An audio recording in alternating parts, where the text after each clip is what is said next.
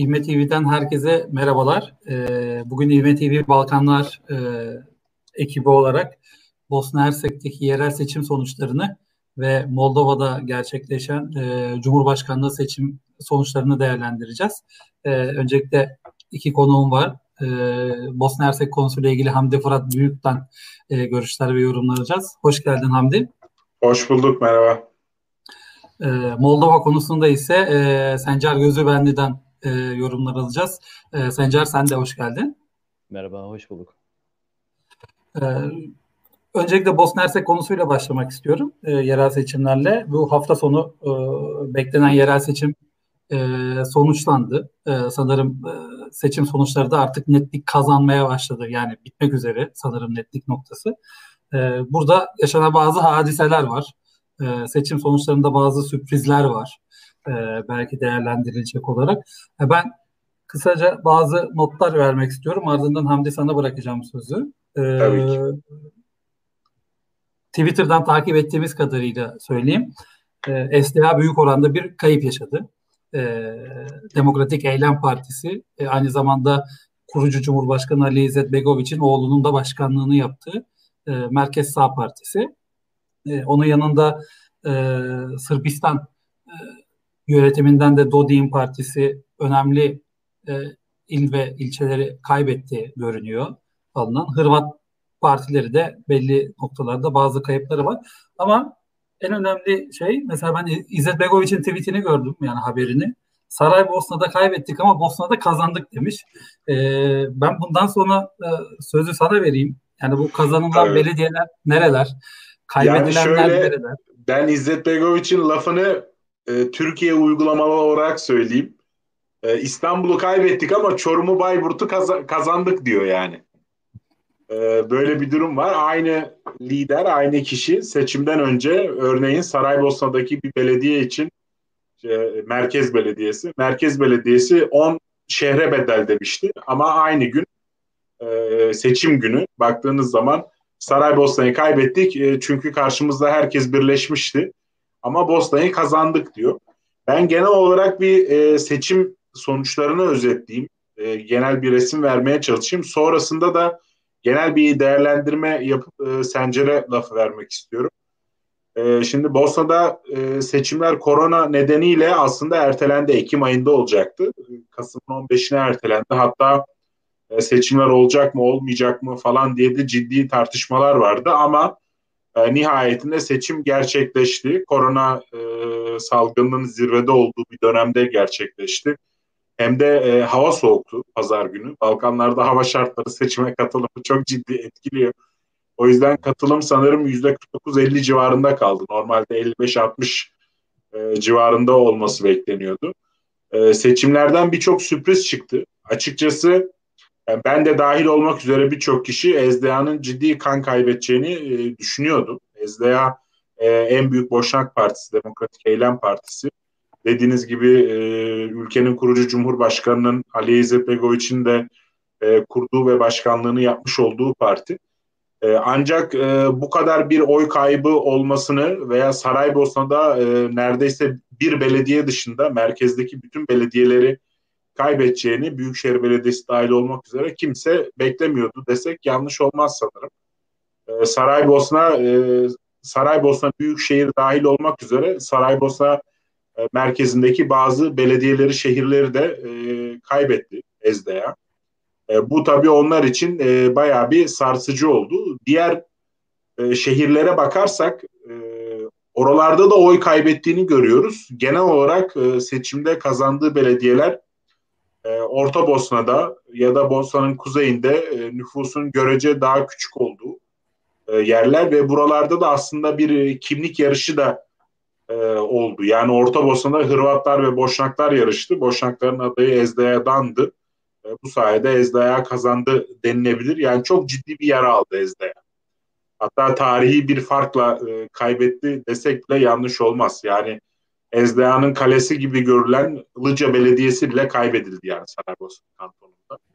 Ama bu e, kaybediş e, yani tabiri caizse iktidarda olan Boşnak Partisi'nin e, bu kadar oy kaybetmesi ona has bir durum değil. Aynı şekilde işte Sırpların e, en büyük partisi aynı zamanda Milorad Dodik'in de e, partisi olan Cumhurbaşkanlığının Sırp üyesi Milorad Dodik'in partisi olan e, olan adaylar da Banja Luka'da yani e, Sırp Cumhuriyeti'nin idari merkezi ve en büyük şehrinde ve Bijeljina'da yani Sırp Cumhuriyeti'nin en büyük şehirlerinden biri ve aslında Sırbistan sınırında da olduğu için ticaretin merkezi olduğu şehri ve daha önemlisi ve daha semboliği e, Srebrenica'da Srebrenica'da seçimi kaybetti.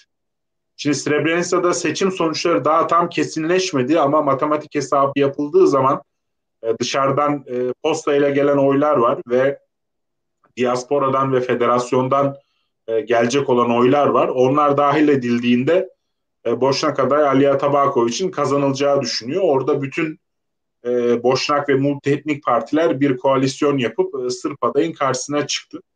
E, dediğim gibi hem Bo, hem Boşnak hem Sırp partiler kaybetti. Yani ana partiler e, kaybetti ama Hırvat partiler de kaybetti baktığımızda.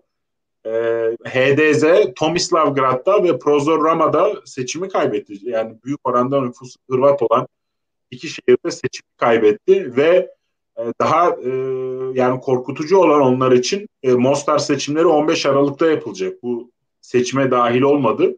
O seçimi de kaybedebilirler. Yani böyle bir risk de e, ortaya çıktı.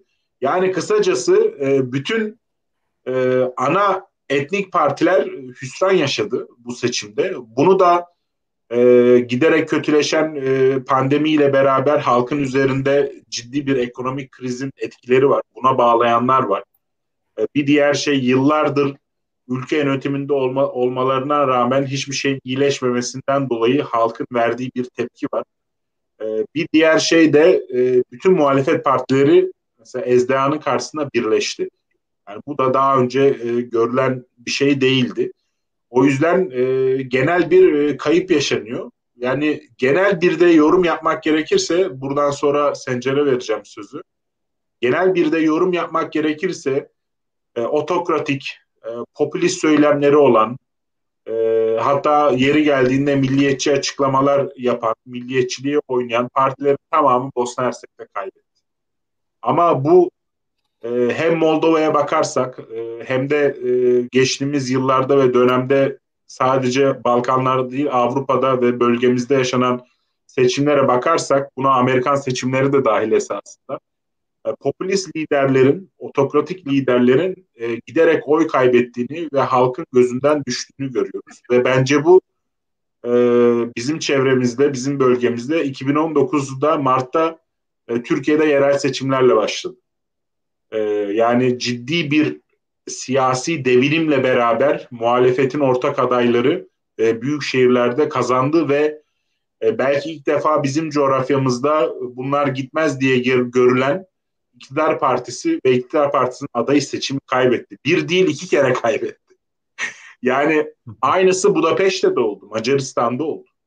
Yani Orban'ın desteklediği kişi muhalefetin ortak adayına karşı seçimi kaybetti ve Budapeşte de İstanbul ikinci İstanbul diye adlandırıldı. Şimdi bakıyoruz e, bu hafta da Bosna Hersek'te seçimler oldu. E, burada da daha yenilikçi, daha genç, herkesi bir araya getirebilen e, partilerin adayları kazandı. E, Moldova'da da aynı şey yaşandı. Yani Dodon e, Rus destekli, e, tam bir otokrat, e, bir, bir lider de uzun yıllardır ülkeyi yöneten. Karşısındaki kişi de yanılmıyorsam belediye başkanıydı başkentin. E, yani belediye başkanı karşısına çıkmıştı. Yani tam bunların e, tanımlamak için başka bir cümle, bir tanım yapmak da gerekirse otokratlar ligi çöküyor. Öyle söyleyeyim. Yani Trump'ın olduğu, Orban'ın olduğu, işte e, İzzet Begoviç'in olduğu da e, diyebiliriz ya da Dodo'nun olduğu bu lig e, çökmeye başladı. Yani şöyle söyleyeyim bir örnek olarak buradan Sencer'e vereceğim şimdi sözü. Erdoğan'ın Toma hediye ettiği Moldova Cumhurbaşkanı seçimleri kaybetti. Yani e, bir siyasi bir devinim hareketlenme, bir ivme var. Öyle söyleyelim e, bu seçimin Boston'daki seçimleri de böyle okumak gerekiyor diye ben düşünüyorum. Umarım Sencer, ben sana devam eder. Sözü vermeden birkaç nokta daha değinmek istiyorum ben Hamdi ile Bosna seçimlerine yönelik. Ardından Moldova'ya geçelim. Ee, 2019'da İmamoğlu seçimi kazandıktan sonra Saraybosna'yı ziyaret etmişti. Evet. Ee, ve o e, o dönem o dönemki belediye başkanı Abdullah Skaka e, görüşmemişti İmamoğlu'yla. E, peki şu an yeni kazanan e, yani seçim sonuçlarına göre kazanan e, belediye başkanı ve bulunduğu siyasi e, konjektür sence Türkiye ile köprüleri e, geliştirecek mi İmamoğlu ile? Öyle bir, bir izlenim yaratabilecek kişiler mi? Yani şöyle direkt e, Türkiye-Bosna ilişkilerine tam olarak bir etkisi olur mu buna emin değilim. Hatta olmaz diye düşünüyorum. Çünkü bu bir yerel seçim. Yani bahsettiğimiz kişiler yerel siyasetçiler. Ancak belediyeler nezdinde bir ilişki işbirliği artırımı olur mu diye sorarsanız e, bence olur ve olacak. Öyle söyleyeyim. Yani dediğin gibi geçen sene Aralık ayında Ekrem İmamoğlu Saraybosna'ya gelmişti. Ve yani çok büyük bir utanç diyebiliriz buna. Hem e, Türk yetkililer için hem de buradaki Bosnak, Bosnalı ve Boşnak yetkililer için. Çünkü İmamoğlu buraya geldi ve bütün diplomatik e, nezaketlerin dışında yanında hiçbir Türk yetkili olmadan Saraybosna Balkanlarda e, Türk devlet kurumlarının merkezi baktığınız zaman. E, yanında kimse olmadan burada tabiri caizse yalnız bırakılarak e, bir gezi yapması sağlandı. E, işte dediğiniz gibi Saraybosna Büyükşehir Belediye Başkanı Abdullah Skaka görüşmedi. Diğer SDA'lı belediye başkanları görüşmedi. Diğer siyasetçiler görüşmedi. E, hatta e, riyasetin buranın diyanetinin başındaki yani buranın diyanet işleri başkanı diyelim o bile görüşmedi.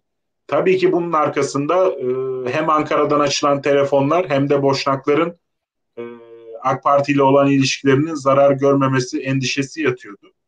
E, ama İmamoğlu'nun bir sözü vardı orada. Hatta ben kendisiyle bir mülakat da yaptım burada ziyaret yaptığı sırada.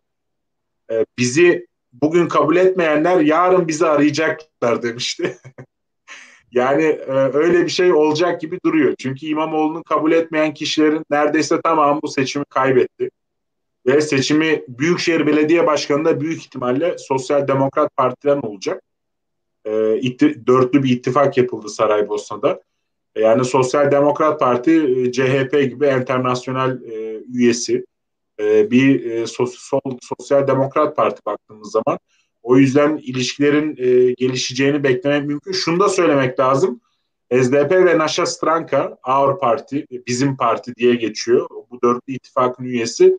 Geçen sene Ekrem İmamoğlu'na yapılanları utanç olarak tanımlamıştı. Stamota, e, Boşnakçı, utanç olarak tanımlamıştı. E, yine Konakovic, e, Narodi Pravda, Millet ve Adalet Partisi'nin başkanı yine bu dörtlü ittifakın içerisinde. Yani galibiyeti sağlayan partiler, SDA'ya e, hezimeti yaşanan partilerden bir tanesi. O da televizyonlara şöyle bir açıklama vermişti. Türkiye-Bosna ilişkileri Erdoğan ve İzzet Begoviç ya da AK Parti ve SDA ilişkileri midir? E, Türkiye ile bizim ilişkilerimiz çok daha derindir. E, eğer sekülerler, sosyal demokratlar Türkiye'de iş başına gelirse Türkiye-Bosna ilişkileri bitecek mi? Diye sormuştu. E, ve kendisi e, İmamoğlu'yla görüşememişti programından dolayı ama ben e, ziyaret sırasında kısa bir görüşme fırsatları olduğunu biliyorum. E, o yüzden İmamoğlu'yla şimdi yeni seçilen Saraybosna Büyükşehir Belediyesi ya da ilçe belediyelerin ilişkilerini geliştirmesi pek muhtemel ve pek tabii. Zaten Saraybosna ve İstanbul'da kardeş şehir. E, burada hiçbir anormallik yok. Anormallik geçen sene e, İmamoğlu'nun yaşadığı e, utançtı. Ona, o, yani bu utanç İmamoğlu'na ait değil. Buradaki Boşnak siyasetçilere aitti. Bir de yaşanan şey var. İliyaş Belediyesi'nde tam Türkiye'deki seçimler gibi e, sanırım SDA'nın orada bir e, seçimlerin tekrar sayılması gibi bir Ya şöyle birçok bir yerde birçok yerde böyle şeyler oluyor. Yani burası Balkan yani Türkiye'den çok da farklı değil. Bunun da örneklerini arttırmak mümkün. Ben onu e, şey yani e, bir istisna olarak görmüyorum. Birçok yerde oylar yeniden sayılıyor. E, İlyaş'ta var. İşte Srebrenica'da oylar sayılıyor. Şimdi Travnik'te e, seçim bile yenilenebilir. Bir karar alınması bekleniyor vesaire.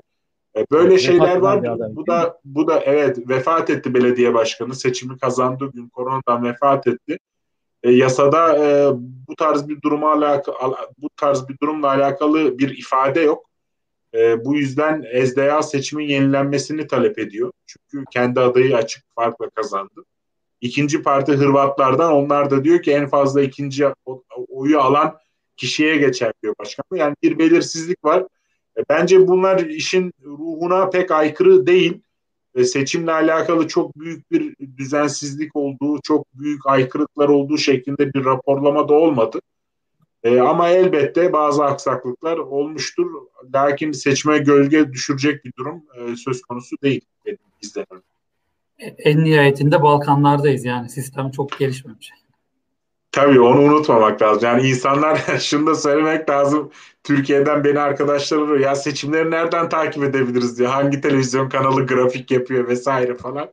Ya böyle bir şey yok yani burada. Açıkçası burada yani, yakında Yok yani böyle bir şey yok. Ee, şimdi mesela e, buranın Yüksek Seçim Kurulu diyelim. Onlar sitelerine girdi sonuçları. Girip bakabiliyoruz yani resmi olmayan yarı resmi sonuçlar.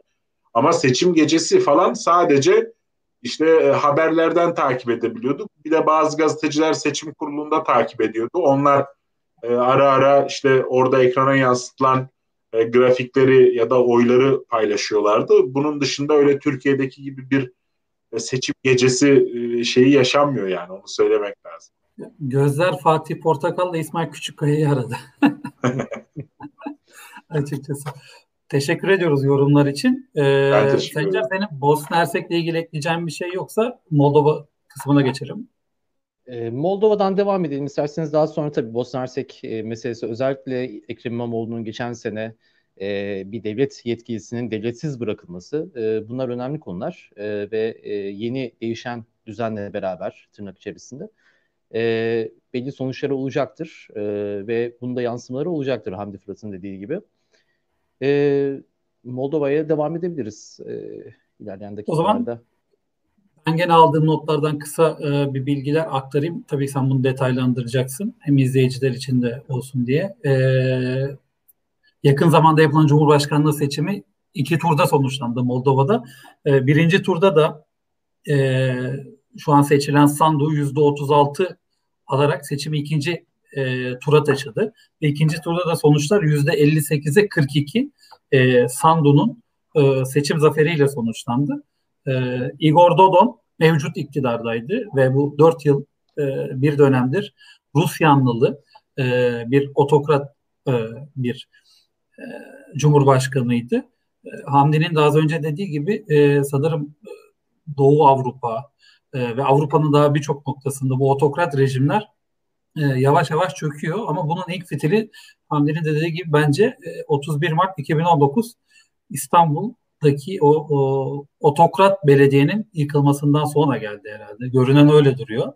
Ee, ama şurada bir nokta var. Ee, Sencer'le yayın öncesi aldığım e, detaylarda bir Gagavuzya özel bölgesinde ki oylar aslında biraz ilginç duruyor. Yani yüzde 95 e, mevcut Cumhurbaşkanı'na verilmiş ve bu bölge e, Türkçe yüzde 84 düzeyinde ana dil olarak konuşan ikinci dilleri de ülkenin kendi dili değil Rusça olan bir bölge. E, yani ilginç bir sonuç olmuş. E, şimdi Sencer'den bunları detaylı olarak dinleyeceğiz. E, söz sende. Biraz Mehmet Ali Birant gibi oldu kusura bakma. Estağfurullah. Şimdi Zagreb'e bağlanıyoruz. Şimdi e, Moldova'nın genel siyasi görünümüyle alakalı kısa bir bilgiyle başlamak istiyorum aslında. Hem e, biraz daha netleşmesi açısından e, görünümün. E, şimdi Moldova'yı diğer Güneydoğu Avrupa ülkelerinden e, ya da işte coğrafi olmasa bile ki e, Moldova'nın coğrafi Balkanların bir parçası olup olmadığı hala tartışma konusu. Ama sosyal po- sosyopolitik Balkanların bir parçası olduğu kesin. E, bu bölgeden ayıran bir özelliği var aslında. E, Moldova bölgedeki tek Sovyet sonrası ülkesi. Yani Sovyetlerin dağılmasından sonra bağımsızlığını kazanan tek Balkan ülkesi diyebiliriz Moldova için. Şimdi e, tabii Sovyetler döneminde 1940'a kadar Ukrayna'nın parçası, e, Ukrayna içerisinde, Ukrayna Sovyet Sosyalist Cumhuriyeti içerisinde bir özel bölge e, statüsünde. E, daha sonradan e, müstakil bir Sovyet Sosyalist Cumhuriyet oluyor. E, yani süreç aslında orada bir Sovyet yönetiminin Sovyet insanı yaratma politikasında bir laboratuvarı şeklinde şekilleniyor.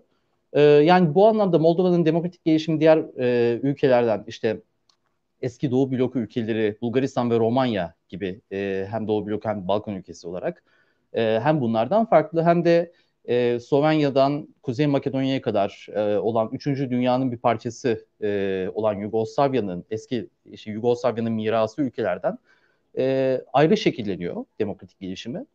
E, belki bu anlamda kısmen Ukrayna diyebiliriz. Hani konsantre azınlıkları barındırdığından dolayı içerisinde. E, ya da bel, belki hani siyasi anlamda Belarus'a e, bir benzerliği var.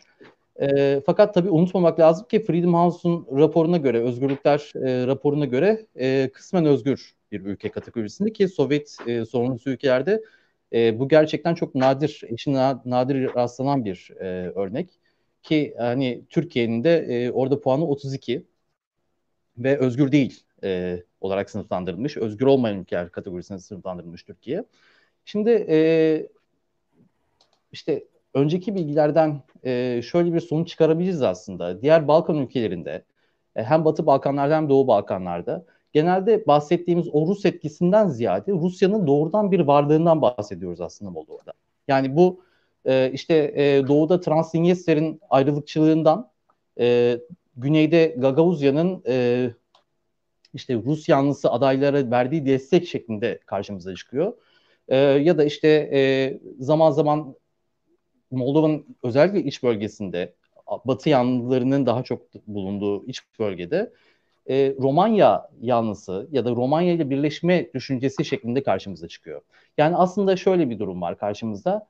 E, iki keskin kutup var. Yani ülkedeki kamplar keskin bir şekilde Batı yanlısı ve Rusya yanlısı şeklinde ikiye ayrılıyor.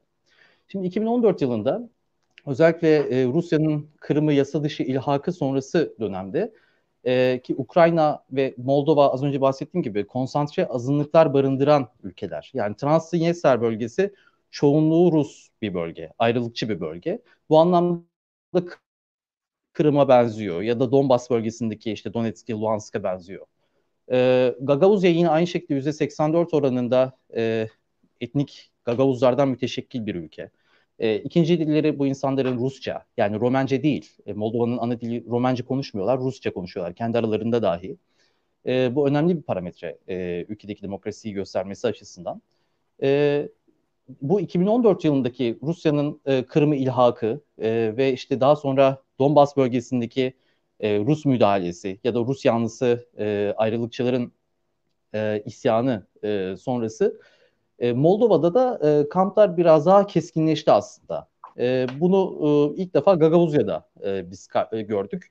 Gagavuzya'da e, Şubat 2014'te tam da böyle e, Yanukovic sonrası dönemde e, Ukrayna'da o e, kriz, siyasi kriz sırasında bir referandum düzenlendi Gagavuzya'da. E, ve bu anayasal olmadığı e, sonucuyla e, merkezi bütçeden e, kaynak alamadan gerçekleştirilen e, ve Rusya'daki bir oligarkın parasıyla gerçekleştirilen bir referandumdu. E, Gagavuz halkı sandıklara gitti ve rekor katılım sağlandı. Yaklaşık %70'e yakın bir katılım sağlandı.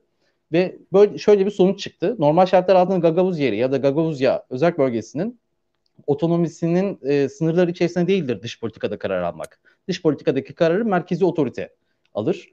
E, fakat Gagavuzya e, şöyle bir soru sormuştu referandumda e, bölgesel idare. Avrupa Birliği'ni mi destekliyorsunuz yoksa Rusya merkezi Avrasya Ekonomik Topluluğunu mu destekliyorsunuz şeklinde? Hangisine katılım Gagavuzya'nın çıkarınadır şeklinde bir soru geldi, e, soru soruldu. İki ayrı soru şeklinde. E, %97 Avrupa Birliği'ne karşı çıktı. %98 Rusya e, merkezli Avrupa Ekonomik Teşkilatı'nın topluluğunun bir parçası olması gerektiğini düşündüğünü beyan etti Moldova için. Ve e, daha ilginç bir soru so, sonuç.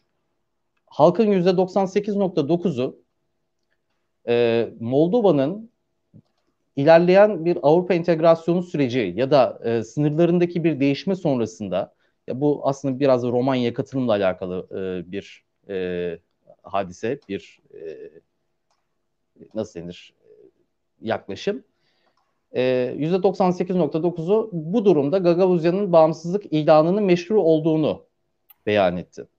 Şimdi dolayısıyla e, yani Rusya'nın e, diğer ülkelere işte Gürcistan'a ya da işte e, Ukrayna'ya belki son dönemde Belarus'a e, bütün dokunuşları Moldova içinde bir e, karşılık yaratıyor. Hem toplumsal bir karşılık, karşılık yaratıyor hem de yönetim kademesinde siyasi bir karşılık yaratıyor.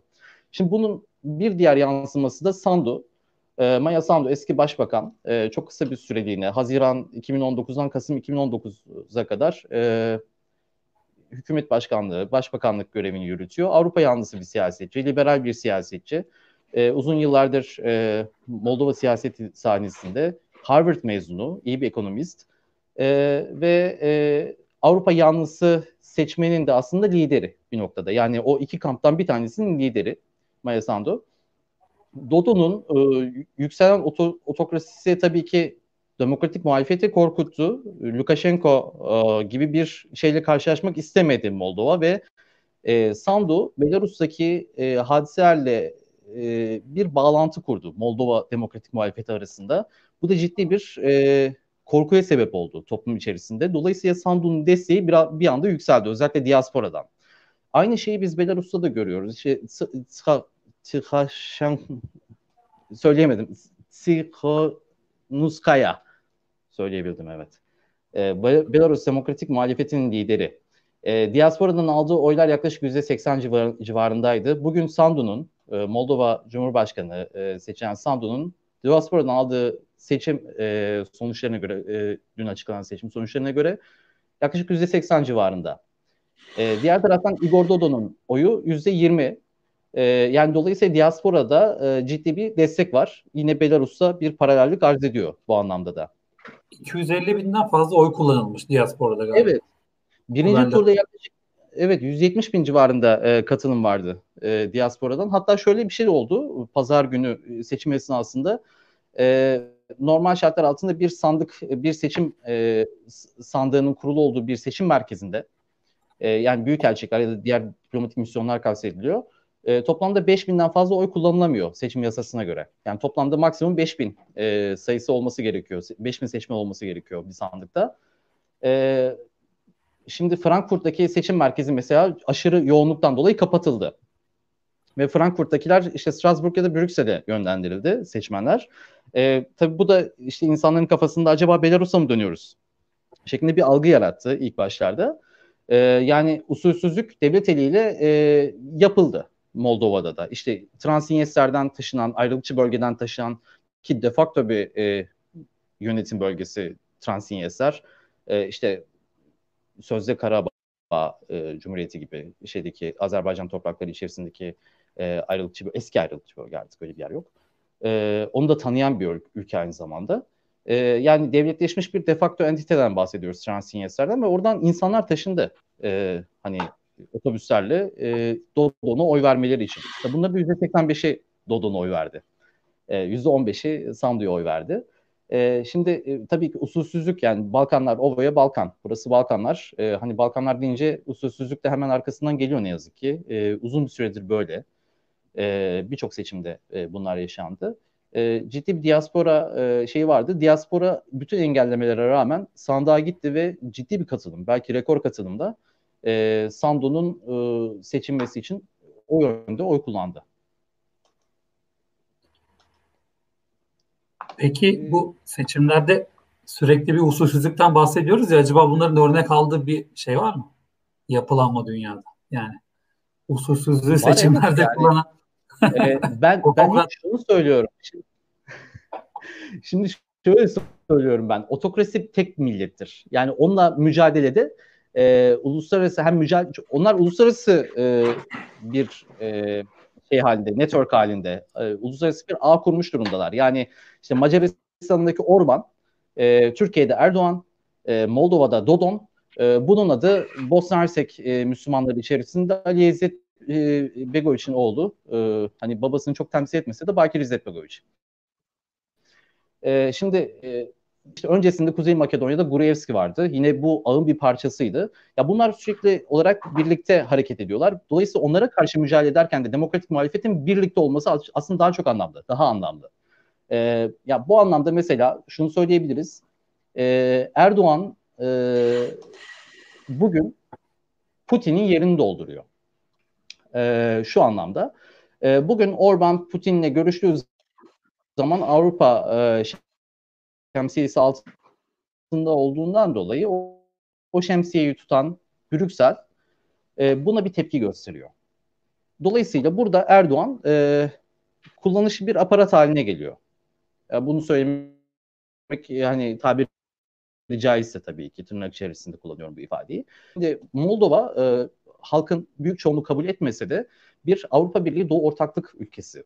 Yani Avrupa Birliği sürecinde olan bir ülke. Bir potansiyel aday ülke değil, bir aday ülke değil ama Avrupa Birliği ile çok yakın ilişkileri olan ve Avrupa Birliği'nin radarında olan bir ülke. Ve Avrupa Birliği'nde aynı zamanda konusu olan bir ülke.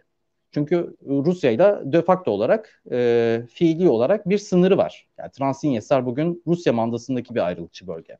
Şimdi dolayısıyla orayla e, oranın bir başkanı ya ya da oranın e, başbakanı ya da işte herhangi bir yöneticisi Putin'i görüştüğü zaman yine ciddi bir tepki alıyor. Yani belli bir e, çünkü 2014'te e, Rusya'ya bir ambargo uygulandı. Siyasi ve ekonomik bir ambargo uygulandı. Dolayısıyla Putin istenmeyen adam Avrupa Birliği'nde ama Erdoğan henüz o kadar istenmeyen bir adam değil. Dolayısıyla Erdoğan o boşluğu doldurabiliyor. Şimdi dolayısıyla e, şimdi özellikle Erdoğan'ın bu anlamda e, işte Putin'den kalan boşluğu doldurduğunu rahatça söyleyebiliriz. İşte az önce bahsettiğiniz mevzu e, otokratlar e, birbirlerinden besleniyorlar. Sürekli birbirlerinden e, beslenerek demokrasiyi karşılığına e, yani sonuç olarak e, otokratlar birbirlerinden besleniyorlar. E, yani e, birbirlerinin de boşluklarını dolduruyorlar. İşte bugün az önce bahsettiğim gibi Putin'den kalan boşluğu özellikle e, işte Kırım ilhakından sonra Avrupa için daha tehlikeli hale geldi e, Putin. Ondan kalan boşluğu Erdoğan doldurdu. E, diğer taraftan işte Orban ve Deda, e, işte Polonya'da Deda, e, Sırbistan'da Vučić, e, e, bunlar sürekli olarak birbirlerinden besleniyorlar. Yani aslında az önceki sorunun cevabı da bir noktada bu. Teşekkür ediyorum Sencer. Şuna değinecektim ben not olarak aldığım. E, Hamdi de söyledi. E, mesela e, Cumhurbaşkanı'nın hediye ettiği bir toma var. E, evet. İki toma var. İki. İki tom. İki. Şimdi bu süreçten sonra yani Sandu'yla e, Türkiye'nin e, iletişimi sence nasıl olur? Yani e, Türkiye bunu yok sayar mı yoksa Dodon'la olan ilişkileri benzeri devam eder mi? Ya Sandu'nun Türkiye bakış açısı nasıl sence? Bunu da söyleyip programı kapatabiliriz. E, şimdi e, ya, önemli bir soru e, şu anlamda. E, Moldova demek Dodon demek değil ya da Moldova demen, demek sadece bir e, otokrat ya da oligark geçmiş olan bir otokrat e, demek değil. E, Türkiye'de Erdoğan'dan ibaret değil. E, Sandu'nun e, bu süreci çok iyi yönettiğini söyleyebilirim öncelikle. Özellikle birinci turdan ikinci tura giderken tabii ki e, Rusya e, varlığının olduğu bölgelerden Sandu'ya e, Sandu'nun rakibine çok ciddi bir destek vardı. Fakat e, Sandu hiçbir zaman Rusya'yı dışlamadı. E, Dodo'nun ortaklarının da e, ben dışlanacağını düşünmüyorum. Yani Rusya'yı dışlamayan bir Sandu Erdoğan'ı dışlamaz. E, dolayısıyla bu konuda herhangi bir sıkıntı olacağını düşünmüyorum. E, sadece e, Erdoğan Türkiye'sinin muhatapları değişti. Tabii ki Dodon'dan aldığı verimi e, Erdoğan e, Sandu'dan alamayacaktır. Çünkü Sandu bir noktada e, Avrupa Birliği'nin e, Avrupa Birliği yoluna sokmaya çalışacaktır Moldova'yı.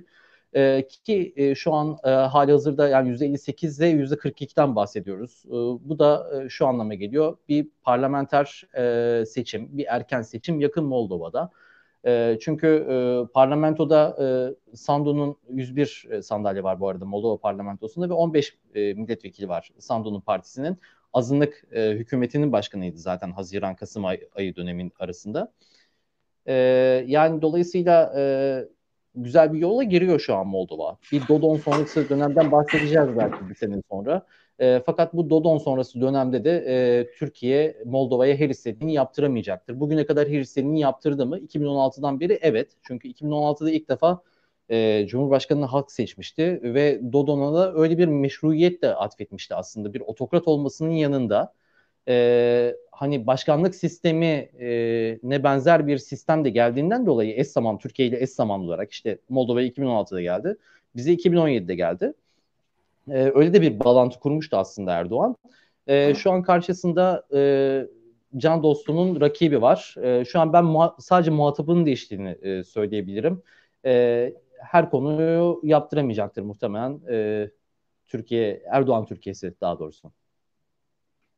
Teşekkürler Sancar. Hamdi senin ekleyeceğin bir şey var mı Moldova ile ilgili? Benim ekleyeceğim şey e, Moldova için de geçerli ama ben daha genel bir şey söyleyeceğim. Bu sizin sorduğunuz soru e, esasında Türkiye'nin sadece Moldova ile ya da Bosna ile ya da Balkanlarla olan ilişkilerinde değil, e, bu aslında Türk dış politikasının bir sorununa dönüşmüş durumda.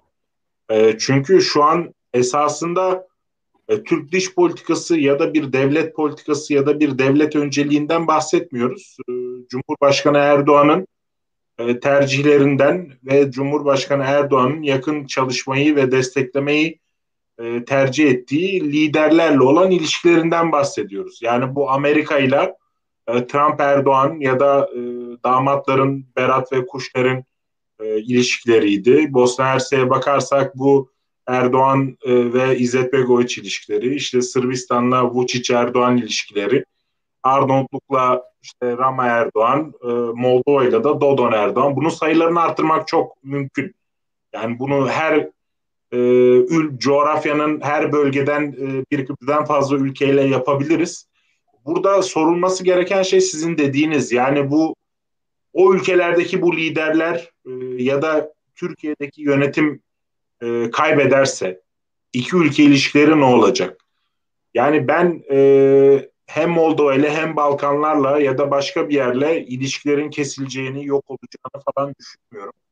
Ama ilişkilerin e, zarar görmesi muhtemel ve bu ilişkilerin e, tamir edilmesi ve yeniden tesis edilmesi için ciddi bir zaman ve enerji gerekecek. Çünkü e, aktörler birbirlerini tanımıyor. Yani en önemlisi. Yani şimdi e, mesela Türkiye'de iktidara gelecek olan parti e, ya da partiler Erdoğan giderse ya da Bosna'da iktidara şimdi gelecek olanlar e, Türkiye'deki şu an iktidarda olanları tanımıyor. Tam tersi de diğer durum için geçerli. O yüzden bir zaman geçeceği doğru. Burada yani belki yapılması gereken şey ben bunu sürekli söylüyorum yazılarımda da her zaman böyle yayınlarda da söylüyorum. E, Türkiye'nin çok acil e, kurumsal e, kanallar üzerinden yürütülen cumhuriyet politikalarına ve cumhuriyet dış politika önceliklerine acilen geçmesi gerekiyor. Bunlar ne? İşte Batı yanlısı dış politika, Avro-Atlantik entegrasyon yani Avrupa Birliği ve NATO üyeliği üzerinden e, güven ve işbirliği tesis etmek. Aynı zamanda e, böyle popülist hamleler yerine işte Müslümanların hamisiyiz vesaire gibi söylemler yerine işte demokrasinin, insan haklarının, ekonominin ve ticaretin e, önemini kazandığı devlet ilişkilerine acilen geri dönmemiz gerekiyor. E, aksi takdirde Türk dış politikasında e, tamiri olunmaz e, zararlar olabilir. Yani son olarak ben bunu söyleyeyim. Teşekkür ederim. Ben de toparlamak adına birkaç cümleyle e, yayını tamamlayayım. E, programın ilk bölümünde Hamdi ile Bosna Hersek seçimlerini konuştuk. E, orada yükselen e, muhalefetin yükselişini, e, şu anki iktidar partisinin yerel seçimlerde e, bayağı yara aldığını ve e, sembolik olan birçok şehrin e, el değiştirdiğini, özellikle Srebrenica şehrinin e, bunu altın çizerek söyleyebiliriz hem Müslümanlar hem de dünyada son dönemde yaşanan soykırımın e, sembol şehrinde e, bir değişim tekrar söz konusu. E, onun yanında arkasından da Sencer'le e, Moldova'da otokrat bir rejimin e, seçimi kaybetmesi ve daha batı yanlısı bir e, eski başbakan ya kısa dönemde olsa bir başbakanlık yapan Eylem ve Dayanışma Partisi'nin lideri Sandu'nun seçimi kazanmasını ve e, ardından e, yaşananları konuştuk. Ben hem Sencer hem de Hamdi'ye çok teşekkür ediyorum bu yayın için. Ben teşekkür ederim. Teşekkür ederiz. Sağ olsun. Ee, yakın zamanda tekrardan farklı konuları e, işlemek üzere. Görüşmek üzere. E, görüşmek üzere. Akşamlar. Sağ olun. İyi akşamlar. İyi akşamlar.